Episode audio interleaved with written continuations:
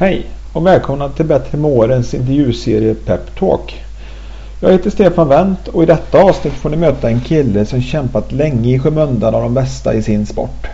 Men som aldrig har gett upp sin dröm och nu till slut fått chansen att slåss med den yppersta världseliten. Jag pratar om Emil Johansson som i fjol tog sina första världscupspoäng i slalom och som nu vid 28 års ålder tagit klivet in i det svenska alpina skidlandslaget. Ja, Emil han har verkligen blivit bättre med åren. Jag ringde upp Emil i måndags, dagen efter hans världskustpremiär för säsongen i finska Levi och fick en mycket trevlig och intressant pratstund med honom. Så jag säger varsågoda. Peptalk med Emil Johansson.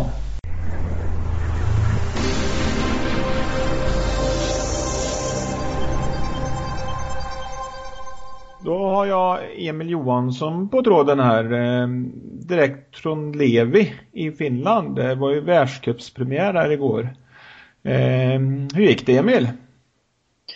Ja, eh, hej Stefan till att börja med. Men det, alltså det gick väl både bra och dåligt. Jag åkte ur så självklart väldigt missnöjd med min insats så sett. För att det är ju bara resultat som räknas. Men åkningen till urkörningen gick eh, i alla fall bra så att det är väl någonting jag får ta med mig mm. framöver.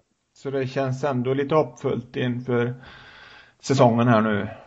Ja men absolut, det, det, tycker jag ändå faktiskt. Eh, jag visar på att jag har snabb åkning i kroppen så att eh, det är ju det jag får ta med mig liksom. Det går inte att gräva ner sig över eh, nederlag där så utan det, det är bara att kriga vidare som vanligt. Mm. Ja, och anledningen till att jag ville prata lite med dig Emil det är ju för att du passar ju väldigt in på, bra in på det här konceptet eh, bättre med åren. För det kan man väl verkligen säga att du har blivit? Ja, jag skulle nog säga att det passar väldigt bra in på mig och eh, min karriär. Även fast du inte är gammal så eh, om man säger på eh, du har ju slått igenom ganska sent då i, i, mot vad som är normalt kanske in, tatta in i landslaget här, alpina landslaget då. Du kan väl berätta lite, om, lite kort om dig själv Emil, vem, vem du är? Ja, nej men jag, jag är född och uppvuxen hemma i Skövde. Ehm, och eh, ja, började åka skidor när jag var fyra år gammal så att Eh, Eh, men det var aldrig självklart liksom att det skulle vara skidåkning det skulle bli utan jag testade lite olika idrotter. Det var hockey, det var pingis, fotboll, handboll och allt möjligt. Eh, men sen så i slutändan så föll det väl ändå, föll valet på skidåkning där det var det var det som var ändå roligast och det som gav mest adrenalinkick. Så att eh, vid 16 års ålder så sökte jag in till skidgymnasium, kom först inte in på något av de sex skidgymnasierna som fanns i Sverige och därefter så eh, kom jag, fick jag reda på att jag kunde söka till Tärnaby skidhem som är en folkhögskoleutbildning och eh, kom in där då och eh, gjorde fyra år där på Tärnaby skidhem innan innan jag sökte in och kom in på Tärnaby skidakademi som är, bedriver högskolestudier samtidigt som vi åker skidor då. Eh, så var jag där i sex år och jag menar jag under alla de här tio åren som jag då var uppe i Tärnaby så eh, det var kanske aldrig någon självklarhet så att jag skulle tillhöra något juniorlandslag eller Europacuplag utan det var eh, många år fyllda av, vad ska man säga, jag visste vart jag ville men det gick väl inte alltid riktigt så som jag hade tänkt så därför tog det väl kanske lite längre tid och jag menar vissa för vissa personer så tar det längre tid att utvecklas och för vissa kortare men ja. Mm. Det krävdes lite längre tid för mig och nu är här. Nu är du där. Precis. Ja, och om vi går tillbaka 28 år som du, du är då. Eh, du är alltså född 1988 där då. Då har du kanske inte riktigt upplevt den här riktiga stenmarkshysterin som vi hade i Sverige på den, ja det var ju lite innan där va? Ja, det var slutet på 70-talet och sen början på 80 framförallt som han var som störst. Och sen la han ju ner 89 så jag var ju bara ett år gammal när han la ner. Så att nej, jag har inte så starka minnen från det. Nej, för det är ju faktiskt så att eh, det var ju då intresset för alpin skidåkning fick riktigt fart i Sverige. Och det, ur det så kom det ju många framgångsrika svenska alpina åkare eh, kan man väl säga har han ändå, trots att du inte upplevt honom, har han ändå varit någon förebild eh, för dig eller har du haft några andra förebilder?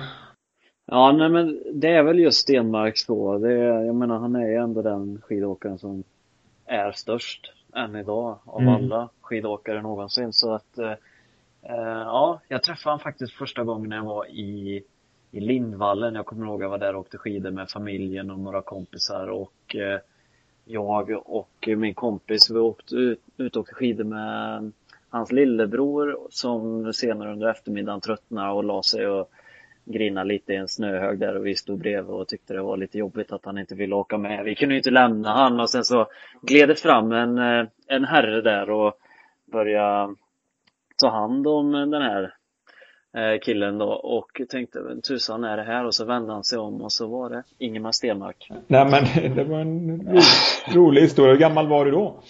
Eh, kan jag ha varit runt 10-11 år något sånt där. Ja. Så att det var, ja det var Det var stort då förstår jag.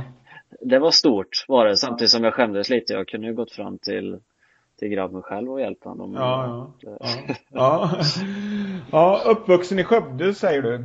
Det kan man väl säga då, då har man kanske inte riktigt samma förutsättningar som om man hade vuxit upp i Tärnaby.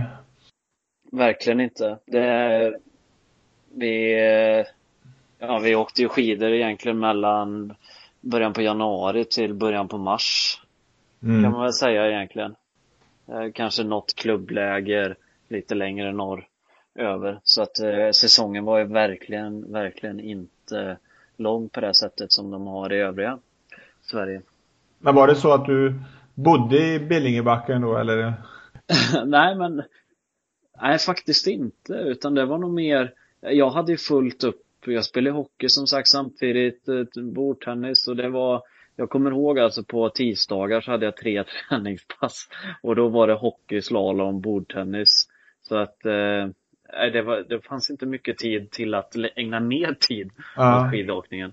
Men då var det idrott för hela slanten och, kan man säga. Det var ja. mycket annat för dig där. Nej, det var väl läxor också då, men något annat hann jag väl inte med. Nej, precis. Eh, och sen så kom det då till ett läge då ja, det visste du väl skulle komma då att snart måste jag börja välja sport här då. Och, och så blev det alpint då. Eh, hur kommer det sig? Jag tyckte ju hockey egentligen var eh, i princip lika roligt men eh, just där och då så hade vi väl en tränare som jag inte tyckte var särskilt mycket om. Han eh, gillade inte att jag kombinerade hockeyn med skidåkning och samtidigt som det kanske började gå lite sämre i hockey. Jag menar jag växte väldigt sent, hade lite svårt med tacklingarna och så vidare så ja, när jag började nian sen så valde jag att lägga skridskorna på hyllan och eh, satsa på skidåkningen för att komma in på ett skidgymnasium. Och det gjorde du inte? Nej, jag gjorde ju inte det till en början utan det var lite flyt faktiskt där att det var pappa som fick nys om att vi att det gick att söka då Tärnaby skidhem mm. som en folkhögskoleutbildning så trillade jag in där på ett hörn helt enkelt. Ja, tro, vad, vad, tror du att, har det, att det har betytt att du, ja, för du hade höll på med många olika idrotter säger du här och, och, och valde förhållandevis ganska sent ändå då. Eh, vad tror du det liksom har påverkat din karriär någonting eller har du ångrat att du inte eh, renodlade tidigare om man säger så? Nej, nej det, det har jag verkligen inte ångrat. Mm. Det har jag inte. Sen så hade vi vissa vintrar, kommer jag ihåg, där, där jag mer kanske prioriterade hockeyn. Jag, jag var inte på många träningspass eh, vissa vintrar när det kom till slalom för att det var mer hockey då. Eh, så att eh, ja, mm, mm. hade jag varit på alla slalomträningar det hade kanske varit bättre för min utveckling. Ja. Samtidigt så det, jag, jag valde mer hockey då, men det, det är inget som jag ångrar idag utan det, jag gjorde ju det jag tyckte var roligt eh, där, där och då. Mm. Fyra år då i Tärnaby skidhem då, som vad jag har förstått då är en, kan man säga, en gren av Storumans folkhögskola då? Ja, stämmer. Som, ja, som då är ja, avsedd för tävlingsskidåkare. Precis, det stämmer och eh, fyra mycket givande år. Det var väl egentligen där som jag verkligen lärde mig att eh, eh, ja, hur jag skulle ta mig an idrotten, hur jag skulle börja jobba på ett professionellt sätt. En liten parentes där är lite roligt, det är ju att eh, tre av de startande som var i Levi här igår, tre av de sju eh, är elever, före detta elever på Tärnaby skidhem. Okej, okay. som då heller inte har gått skidgymnasium med andra ord? Nej, precis. Jens Byggmark, eh, jag och debutanten Kristoffer Jakobsen som också gjorde en mycket bra insats och blev tolva. Ja, och det visar väl lite då kanske att man behöver inte stressas av om man inte då är eh, högst upp i resultatlistorna och, och, och så vidare när man är yngre utan man kan ta den långa vägen eh, som du har gjort. Mm, precis. Det, det, det är absolut möjligt. Det, det, är liksom bara, ja, det är, det är viljan som, eller blir att man tar den långa vägen så, så handlar det om bara att helt enkelt inte ge upp utan verkligen fortsätta kriga mot de mål som man jobbar mot för att eh, allting är möjligt med rätt jobb och rätt fokus. Och det är väl, eh, det kan man verkligen säga om dig då att du, du gav aldrig upp egentligen utan du, du, du, du trodde på din dröm så att säga. Precis. Och har jobbat stenhårt de senaste åren här och nu när jag tittar tillbaka på det så, så är det väl nästan så att jag själv inte riktigt förstår hur, hur man kan orka i vissa lägen men eh, ja, just där och då så kändes det ändå självklart. Och det gör det väl ännu då också. Ja. ja. Eh, där uppe, då, du kom då från Skövde och så, då fick du väldigt bra träningsmöjligheter och då tänker jag inte bara på eh, tillgång till snö och så vidare utan det, det måste ju ändå varit så att ni, du fick mäta dig mycket mot de bästa i Sverige där och Eh, Eh, dina jäm, det fanns väl jämnåriga då på skidgymnasiet som du mötte i tävlingar så jag kan tänka mig eller?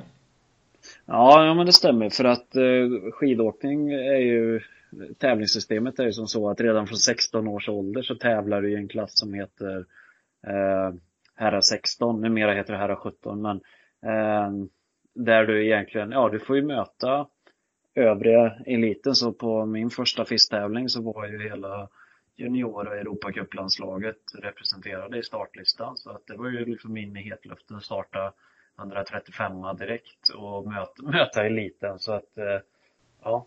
Och då var du inte i, i toppen på resultatlistan om man säger så i början där eller? Nej, bläddrar man neråt ungefär 15 sekunder från vinnaren så hittar man mig där. Längst ner. Ja. ja, det är fantastiskt att du hängde i. Vad, vad var din målsättning då, om man säger så? På den tiden? Den tiden var det väl egentligen, tittade mycket på de andra åkarna i samma ålder egentligen och vissa gick ju in i ett juniorlandslag redan då tidigt på gymnasiet och det var väl liksom det målet var liksom att vilja ta en plats där och slå de där grabbarna. Ja. Och det var, kunde du motivera dig till trots att du var 15 sekunder efter som du säger? Ja. Hur motiverar du dig om man säger så? Det, har det alltid varit lätt för dig eller har du fått? Nej men grejen var väl att jag tog Det vart ju bättre och bättre hela tiden. Det var de där 15 sekunderna var ju det var ju liksom min första tävling, det kanske var lite nervöst och så vidare. Sen så kröp det ner mot en 10 sekunder när man började bli lite bekväm i, i kläderna så och sen så vart det ju mindre och mindre ganska så snabbt och desto mer skidor jag åkte desto bättre gick det ju och ja. Efter ett tag liksom började det bli liksom att man slog fler och fler grabbar och då kände man att det här är möjligt när jag lägger ner det här jobbet. Är det, är det kanske till och med kan det ha varit så att det rent motivationsmässigt kan vara lättare att komma underifrån så att säga. Jämfört med kanske ha varit en stjärna som i ungdomsåren. Det tror jag säkert. Det är alltid lättare att jaga än att bli jagad. Det, är väl någonting jag har märkt på senare dagar. Även om jag fortfarande jagar. Så. Ja. Om nu har nu fått rätt uppgifter där Emil så har du 81 eh, stycken FIS-pallplaceringar, bara 27 segrar. Ja, det, det, det, kan nog faktiskt mycket väl stämma. Ja. Och för oss vanligt folk då som bara ser världscupen på tv då, kan du förklara vad det här med FIS är och är det, har det med Europacupen att göra? FIS är ju ett internationellt tävlingssystem så det får ju alla från det att man är 16 eller numera 17 år fyllda eh, tävla om man har en FIS-licens men det är ju bara att ansöka om det. Eh, och så det är ett internationellt tävlingssystem där ja, där man då som skidåkare kan resa världen över och tävla mot eh, ja, övriga då. Men just när det kommer till Europacup och världscup, där måste man ha visat tillräckligt bra resultat och åkning på fisttävlingar för att ens eget nationella förbund då ska inse eller då att eh, man är kvalificerad för Europacup eh, och sedermera också världscup då. Mm. Så det är egentligen från du kom till Tärnaby så har du haft en tioårsperiod där du då har kämpat med lite i skuggan av världseliten här. Eh, åkt runt på sådana här tävlingar och samlat ja, poäng. Precis. Eller, ja. precis. Jag tog ju alltså min första FIS-seger då när, när jag gick fjärde året och fjärde och sista året på Tärnaby skidhem där och eh, lite det, tack vare det också så kom jag in då på skidakademin som gav mig möjligheten till att fortsätta att kombinera skidåkning och studier och eh, sen eh, väl på skidakademin så började jag med en säsong där jag var skadad, hade ryggproblem, missade den, kom tillbaka sen och började vinna fler FIS-tävlingar, eh, radade upp vinster och pallplaceringar och gjorde mig ett litet namn på hemmaplan som, som jag sen ja, sedermera också fick chansen på Europacup så småningom. Ja. Så kom då förra säsongen här. Då var det väl så att du drabbades av någon sjukdom? Ja, jag fick ju körtelfeber där i början på sommaren och eh, jag hade precis gjort en väldigt bra säsong säsongen innan där jag bland annat hade tagit eh, dubbla, dubbla SM-brons och och så vidare. Så jag var ju ändå väldigt taggad för den här säsongen som skulle komma och så fick jag det bakslaget precis när jag hade dragit igång med sommarträningen att, eh, ja, körtelfeber och ingen som helst träning. Så att eh, jag gick ju, ja, hemma i Skövde under nio veckor och gjorde i princip ingenting. Eller jag jobbade ju men jag fick inte träna någonting. Nej, jag förstår. Och då måste du blivit ganska förvånad sen när säsongen väl drog igång och eh, du, du helt plötsligt ändå kände dig kanske starkare än någonsin då? Ja, det var ju lite knepigt nästan det där. Jag hann ju träna om det var ungefär två veckor innan vi skulle åka ner på glaciärläger och jag hade funderingar på att skippa det första lägret men jag kände mig ändå som så att, ja men det känns ganska bra i kroppen ändå. Det, det kändes som att muskelminnet och så vidare funkar ganska bra så mm. jag kände mig i hyfsad form. Så jag åkte iväg på läger och vi pratade om det senast med en kompis häromdagen här att, vad tusan, tredje åket kände jag så här att nu åker jag bättre än vad jag någonsin har gjort. Mm, ja.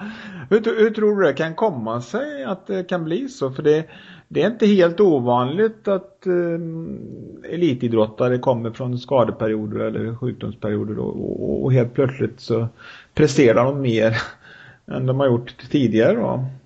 Ja, precis. Det, man får väl lite perspektiv på saker och ting och så kommer man in kanske ganska avslappnat. Man kanske inte har så stora krav på sig själv samtidigt som man är enormt, enormt motiverad till det man ska göra. Så att det, det är nog lite den kombinationen. Mm. Mycket mentalt där. Kan det också vara så att man ligger så på gränsen när det gäller vad, vad kroppen klarar? Att det, ibland kanske rent av kan vara bra att få lite ofrivillig vila om man säger så. Ja, jo men det, det tror jag säkert. Uh, absolut, det, det har jag varit med om tidigare också. Kanske man, man fått någon vecka så lite förstörd under sommarträningen så inser man att den där veckan kanske jag behövde vila eh, för att man kommer tillbaka sen och känner sig starkare. Så visst är det så, ibland ligger man på gränsen och när man gör det och kanske är på väg lite, lite neråt så inser man det inte där och då. Man, det, det, känner, det känner man ju inte. Mm. Ja, och sen till slut då kan man väl säga då efter många år så kom då det här telefonsamtalet under fjolåret då. Kan du berätta? Ja, nej men det var ju som så att eh, jag hade misslyckats på de två första Europacup-tävlingarna. Jag tog inte poäng där i Hemsedal under början på förra säsongen men jag fick ändå åka vidare med ner till nästa Europatour. Eh, där jag då under eh, den Europacup-tävlingen i Åbrägen placerade mig 29, tar mina första Europacup-poäng och eh, under kvällen, samma kväll där då, så ringer förbundschefen, herrchefen eh, Heinz-Peter Platter och eh, säger som så att eh, du Emil, eftersom eh, du tog poäng här i Europacupen så tror jag också att du kan ta poäng i världscupen. Så vi vill se dig på start i Madonna di Campiglio nästa vecka. Så att, och det tackade vi inte nej till. Nej, jag förstår jag. och även om det inte blev några poäng där i Madonna så fick du dina första WC-poäng här i Santa Catarina. Kan du berätta om det? Det var ju som så, jag startade 77 till att börja med då i, eh, i Madonna och eh, gick in på en 44 placering och mycket riktigt så vart det inga poäng men eh, var inte allt för många tiondelar ifrån och kände att oj, jag ska inte säga vad det är så här enkelt men jag kände ändå att så nära trodde jag väl kanske inte att jag skulle vara utifrån förutsättningarna. Så när jag väl kom till Santa Catarina sen eh, i början på januari där och det var stenhårt underlag så förstår jag liksom att här, här har jag en bra chans som jag får ut min åkning. Och eh, med startnummer 73 så gick jag ut i första åket och bara gav allt. Jag, jag kommer ihåg en idag när jag gick in i första, över, över första brandkanten. Jag var sen och så tänkte jag så här att nu får det bära eller brista. Så satte jag i kanterna bara och det bar ju. Och eh, ja, spida på riktigt bra ut på sista flacken där och var snabb i sista mellantiden och gick i mål. Tittade upp på skylten och så stod det Schnia. Och jag, jag fattade inte riktigt först utan det, det tog ju ganska många sekunder innan jag verkligen förstod att jag hade kvalat till andra åket. Hur kändes det då? Kändes det som att nu har jag liksom redan gjort loppet, det här är, jag är nöjd oavsett nu eller blev du liksom taggad på ännu mer där? Första reaktionen var ju verkligen så otroligt grym. Jag tänkte som bara gött, mina första världscupspoäng snart. Men så inser man ju vad tusan det är. Jag är bara halvvägs. Det, det, det är inte klart utan jag har fortfarande ett andra åk som väntar och ja, med en tuff bana, tufft underlag. Det var ju trots allt väldigt isigt så att eh, det fanns ju inte, eh, man hade inte råd att göra några misstag då så att eh, men självklart, jag var väldigt, väldigt glad efter första åket och försökte helt enkelt bara ladda om till andra så fort som möjligt. Och där blev det ytterligare några placeringar upp så du slutade väl 25 där då? Ja, det stämmer mycket bra. Jag gick ut i andra åket och fick en käpp i fjärde, eller jag fick en käpp i huvudet eh, redan i början där, fjärde käppen tror jag det var och eh, blev en liten skakig inledning just därför men sen kom jag igång riktigt bra på slutet och ja, åkte riktigt bra där så att mycket riktigt klättrade jag till en 25 placering. Och för att få lite då perspektiv på den här prestationen du gjorde där Emil, hur vanligt är det att man från startnummer 72 tar sig upp till en 25 plats. Jag tror nog att det var runt 11 år sedan senast som någon med så högt startnummer kvalificerade sig till, till andra åket. Så det, det hör ju inte till vanligheterna riktigt. Det här, det här innebar ju då att du fick en plats i landslaget nu inför den här säsongen och nu lever du din dröm antar jag? Ja, ja men så skulle man kunna verkligen säga. Det, nu vid 28 års ålder så tog jag mig in i landslaget och får alla de förutsättningar som jag verkligen drömt om. Och, ja, nej, det, det är en häftig tillvaro och jag försöker verkligen ta tillvara på den här tiden och försöka fortsätta utvecklas som skidåkare så att jag tar mig dit jag vill. Bättre förutsättningar säger, vad, vad är de största skillnaderna när det gäller förutsättningar mot tidigare? innan, innan du var med i landslaget? mycket handlar väl om material, att jag kanske får de grejer jag behöver och den service. Jag behöver inte stå varje dag och fixa med mina skidor utan man har mer tid att ta hand om sin kropp och återhämtning, fysträning och så vidare. Och, eh, sen så ja, har vi bra uppbackning på träning. Det är många tränare hela tiden som ser till att banan är i bra skick. Man behöver inte stå och vänta och så vidare. Och så självklart den kunskap som finns inom landslaget. Det är en, mm. det är en eh, väldigt, väldigt eh, bra organisation. Ja. Om vi tittar framåt här nu då. Det, ja, det är väl ett VM-år i år då, Sankt Moritz va? Ja, stämmer mycket bra där. Ja, du åker i, är det storslalom och slalom dina discipliner? Ja, men i världscup hittills har jag bara tävlat i slalom och eh, mestadels slalom i Europacup också. Mm, mm. Men då är det VM att komma med där, är det ditt stora mål för säsongen nu eller? eller? Ja, alltså mitt stora mål är väl egentligen kan man väl säga att plocka mer eh, världscupspoäng och för att jag ska göra det så krävs det att jag placerar mig bättre på FIS-tävlingar och eh, Europacup-tävlingar framförallt. Så att det är väl egentligen där huvudmålet mm. ligger. Mm. Så att jag får bättre förutsättningar i världscup. Och ja, allt, allt därefter är en bonus kan man väl säga. Om man säger så, är jag som jag sa tidigare så är du ett lysande exempel på hur man då kan ta den långa vägen bara liksom man har rätt inställning och sånt där.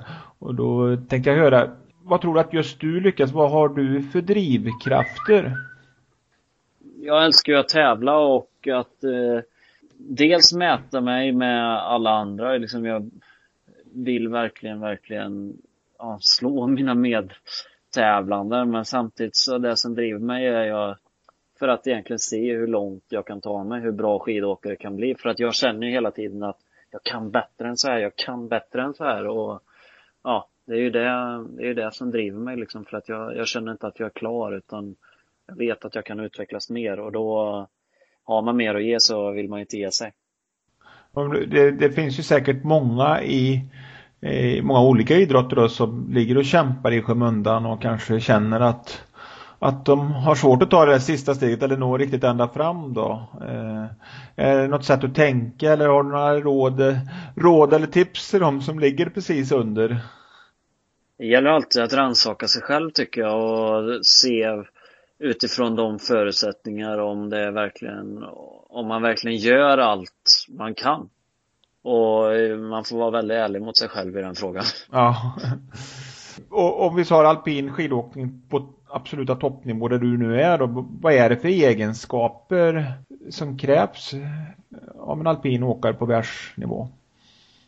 Till att börja med så måste du vara eh, självklart fysiskt stark eh, på alla sätt och vis. Det är en väldigt komplex idrott. Du måste ha maxstyrkan, uthållighetsstyrkan, du måste vara explosiv samtidigt som att du har en bra kondition, att du orkar träna och så måste du vara rörlig och så det är, det är en väldigt komplex sport på det sättet. Men sen eh, för att ta det sista steget så måste du vara otroligt mentalt stark också. För att det, det kan vara en väldigt press, väldigt stor press att stå på start eh, sådana här avgörande åk ibland. Om man känner att sätter jag det här så kan jag ta klivet i karriären och misslyckas. Jag så, så står jag kvar på samma ställe och vet inte när jag får chansen igen. Och det kan ju skrämma livet ur vissa. Men eh, det, det gäller ju att försöka koppla bort konsekvenserna de gångerna och bara fokusera på prestationen, på det man ska göra. Och ja, det är väl egentligen nyckeln att lära sig hantera det och eh, åka som man gör på träning för att eh, på träning är ju många världsmästare. Och nu åker du mycket skidor, nu handlar det mycket om snöträning och, ren skidåkning men om man tar eh, det är stora delar av året här så tränar du barmark och så här antar jag och alltså egentligen hur mycket tränar du egentligen och, och vad tränar du? Lite olika men eh, på sommaren så eller på vår, sommar och höst när det är mycket tid till eh, fysträning så blir det ju två pass per dag ungefär. Och sen blir det rör sig om ungefär 8 till 11 pass per vecka. Eh, beroende på lite vilken period man är inne i. Eh, och sen som sagt så blir det mycket både lågintensiv och högintensiv konditionsträning i form av löpning, cykling framför allt. och sen så är det ju lyfta mycket vikter på gymmet för att eh, bli explosiv och ja, skapa hypertrofi i, i musklerna och bli maxstark och så vidare. Och så periodiserar man in det i olika block då för att man ska få ut så mycket som möjligt av träningen. Så att eh, ja, sen även snabbhetsspänst håller vi igång hela tiden. Så det är hela registret kan man säga. Vår kära Ingmar Stenmark han fick ju hela världseliten till att gå på lina och, och cykla enhjuling och sen så har han ju efteråt sagt att det där var bara på skoj. var det inget du håller på med sån balansträning och sånt? Nej, alltså det, lite grann sådär, självklart. Eh, jag kommer ihåg när vi gick på skidhemmet där och så fick vi en uppgift eh, efter, under sommaren skulle vi lära oss att cykla enhjuling för balansens skull då. Eh, men vad den hjälper sen i skidåkningen, jag, jag tror inte den hjälper någonting. Det, det är ju ganska, balansträning är ju ganska så gren specifik träning så sett. Tycker du alltid att det är kul att träna? Nej, inte alltid. Det är, det är rätt jobbigt att träna. det gör ont att träna. Men eh, samtidigt så det är ju det liksom man känner vilket resultat det ger och det, det är ju det som driver en vidare och det är ju det som gör det hela roligt. Du nämnde mental, mentala egenskaper här förut. Är mental träning någonting du sysslar med? Inte för tillfället, nej. I så fall skulle jag väl mer säga att jag är självlärd kanske och analyserat mig själv väldigt mycket hur jag fungerar i vissa sammanhang och försöker dra slutsatser av det och lära mig och utvecklas. Du, lägger du upp träningen själv eller har du, har du någon tränare? Ja, nu, nu i år så har jag fått hjälp med det här i och med att jag ingår i landslaget då, så att vi, vi har en fystränare som har lagt upp eh, sommarens schema åt oss, även det schemat nu då. Du är 28 år nu och är på toppen kan man säga. Eller, hur mycket mer finns det att ge när man börjar komma upp, närma sig 30 här? Eh, självklart, eh, jag känner att det finns mycket att ge och eh, det är väldigt små detaljer det handlar om på den här nivån. Jag vet ju att ibland när det klickar rätt så kan det vara väldigt, väldigt snabbt. Ja, men skidåkningen, den har jag till stora delar. Det är vissa detaljer som jag behöver förbättra. Liksom att, eh, behöver bli bättre i vissa förhållanden och så vidare. Och sen handlar det väldigt, väldigt mycket om att eh, jobba sig uppåt i rankingen så att man får bra startposition. För ofta det som är svårt sen på tävling när det kommer till Europacup och världscup, att man startar långt bak och i vissa fall kan spelar det nästan ingen roll hur duktig slalomåkare det är. Startar man med 73 då, då är det svårt att ta sig till andra åket. Ja, så du ser, om du tittar några år framåt där, så ser du dig som skidåkare fortsatt? Om allt går enligt plan så absolut ja. Och jag tror ju väldigt starkt på att det ska göra det. Så att eh, ja, absolut. Hur, hur, lö, hur löser du det finansiella om man säger så? Hur försörjer du dig? Ja, det är ju inte helt enkelt för att eh, vi betalar ju 600 kronor per dag eh, nu när vi är med i Euro svenska Europacuplandslaget. Så att eh, det, är, det är ingen billig cirkus jag håller på med direkt och får ju helt enkelt samla in privata sponsorer som är med och hjälper till och det har jag haft då ett gäng privata sponsorer från framförallt från Skövde men även några från övriga delar av landet som är med och stöttar mig. Eh, min eh, huvudsponsor heter Upton Fallskydd som, som är med och syns på landslagsdräkten här nu i år och eh, de tillsammans med övriga sponsorer är med och ser till så att den här satsningen fungerar och som du säger så är det en heltidssatsning. Det går liksom inte att kombinera med jobb eller någonting annat på sidan av utan vi reser och tränar så himla mycket att det, det blir fulltid och, och lite till. Fast du har gett dig in lite i klädbranschen har jag förstått. ja, det, ja, det stämmer bra. Man får hela tiden hitta vägar för att eh, både stärka sitt varumärke som skidåkare och person så samtidigt dra in mer pengar till till den verksamhet som jag håller på med. Så att jag, jag säljer kepsar och mössor sedan ett år tillbaka ungefär eh, under namnet eh, EJ Division. Jag har en hemsida som heter ejdivision.com och eh, finns eh, kapsar kepsar i alla möjliga olika färger och former. Så är det som så att man känner att eh, ah, Emil han verkar vara en eh, grym kille, han eh, vill vi gärna stötta i hans satsning. Så kan man klicka in där på hemsidan och köpa en caps eller mössa så går pengarna till min satsning. Det låter bra. Vi, eh, nu har vi hållit på länge här. Du är lättpratad Emil. jag tänkte vi skulle avsluta lite här med att jag kör tio snabba här. Säger jag tio saker här och sen så får du då egentligen spontant svara med ett ganska snabbt svar. Eh, vad, vad som dyker upp. Okej, okay, då börjar vi då. Ligga på läger. Jag ser en hotellvägg framför mig och där polaren ligger i sängen bredvid och man ligger och analyserar dagen lite. Eh, störtlopp? Det slutade med efter att jag drog in i ett eh, skyddsnät i 100 km i timmen för typ 10 år sedan. Aj då. Kost? Jag tänker på vad jag äter dagligen. Mm. Hårdrock? Älskar jag mer än väldigt mycket annat. Träna på gym? Det ser, ser mig själv i spegeln framför och tänker att eh, vad tusan, borde ta med det här. Mm. Sociala medier? Gillar det lika mycket som jag inte gillar det. För det, det är både roligt och stjäl mycket tid. Mm. Festkvällar? Det blir det inte många utav. Tärnaby? Ja, jag tänker Stenmark och självklart eh, hela den eh, tid som har lagt eh, grunden för min skidåkning. Mm. Sömn?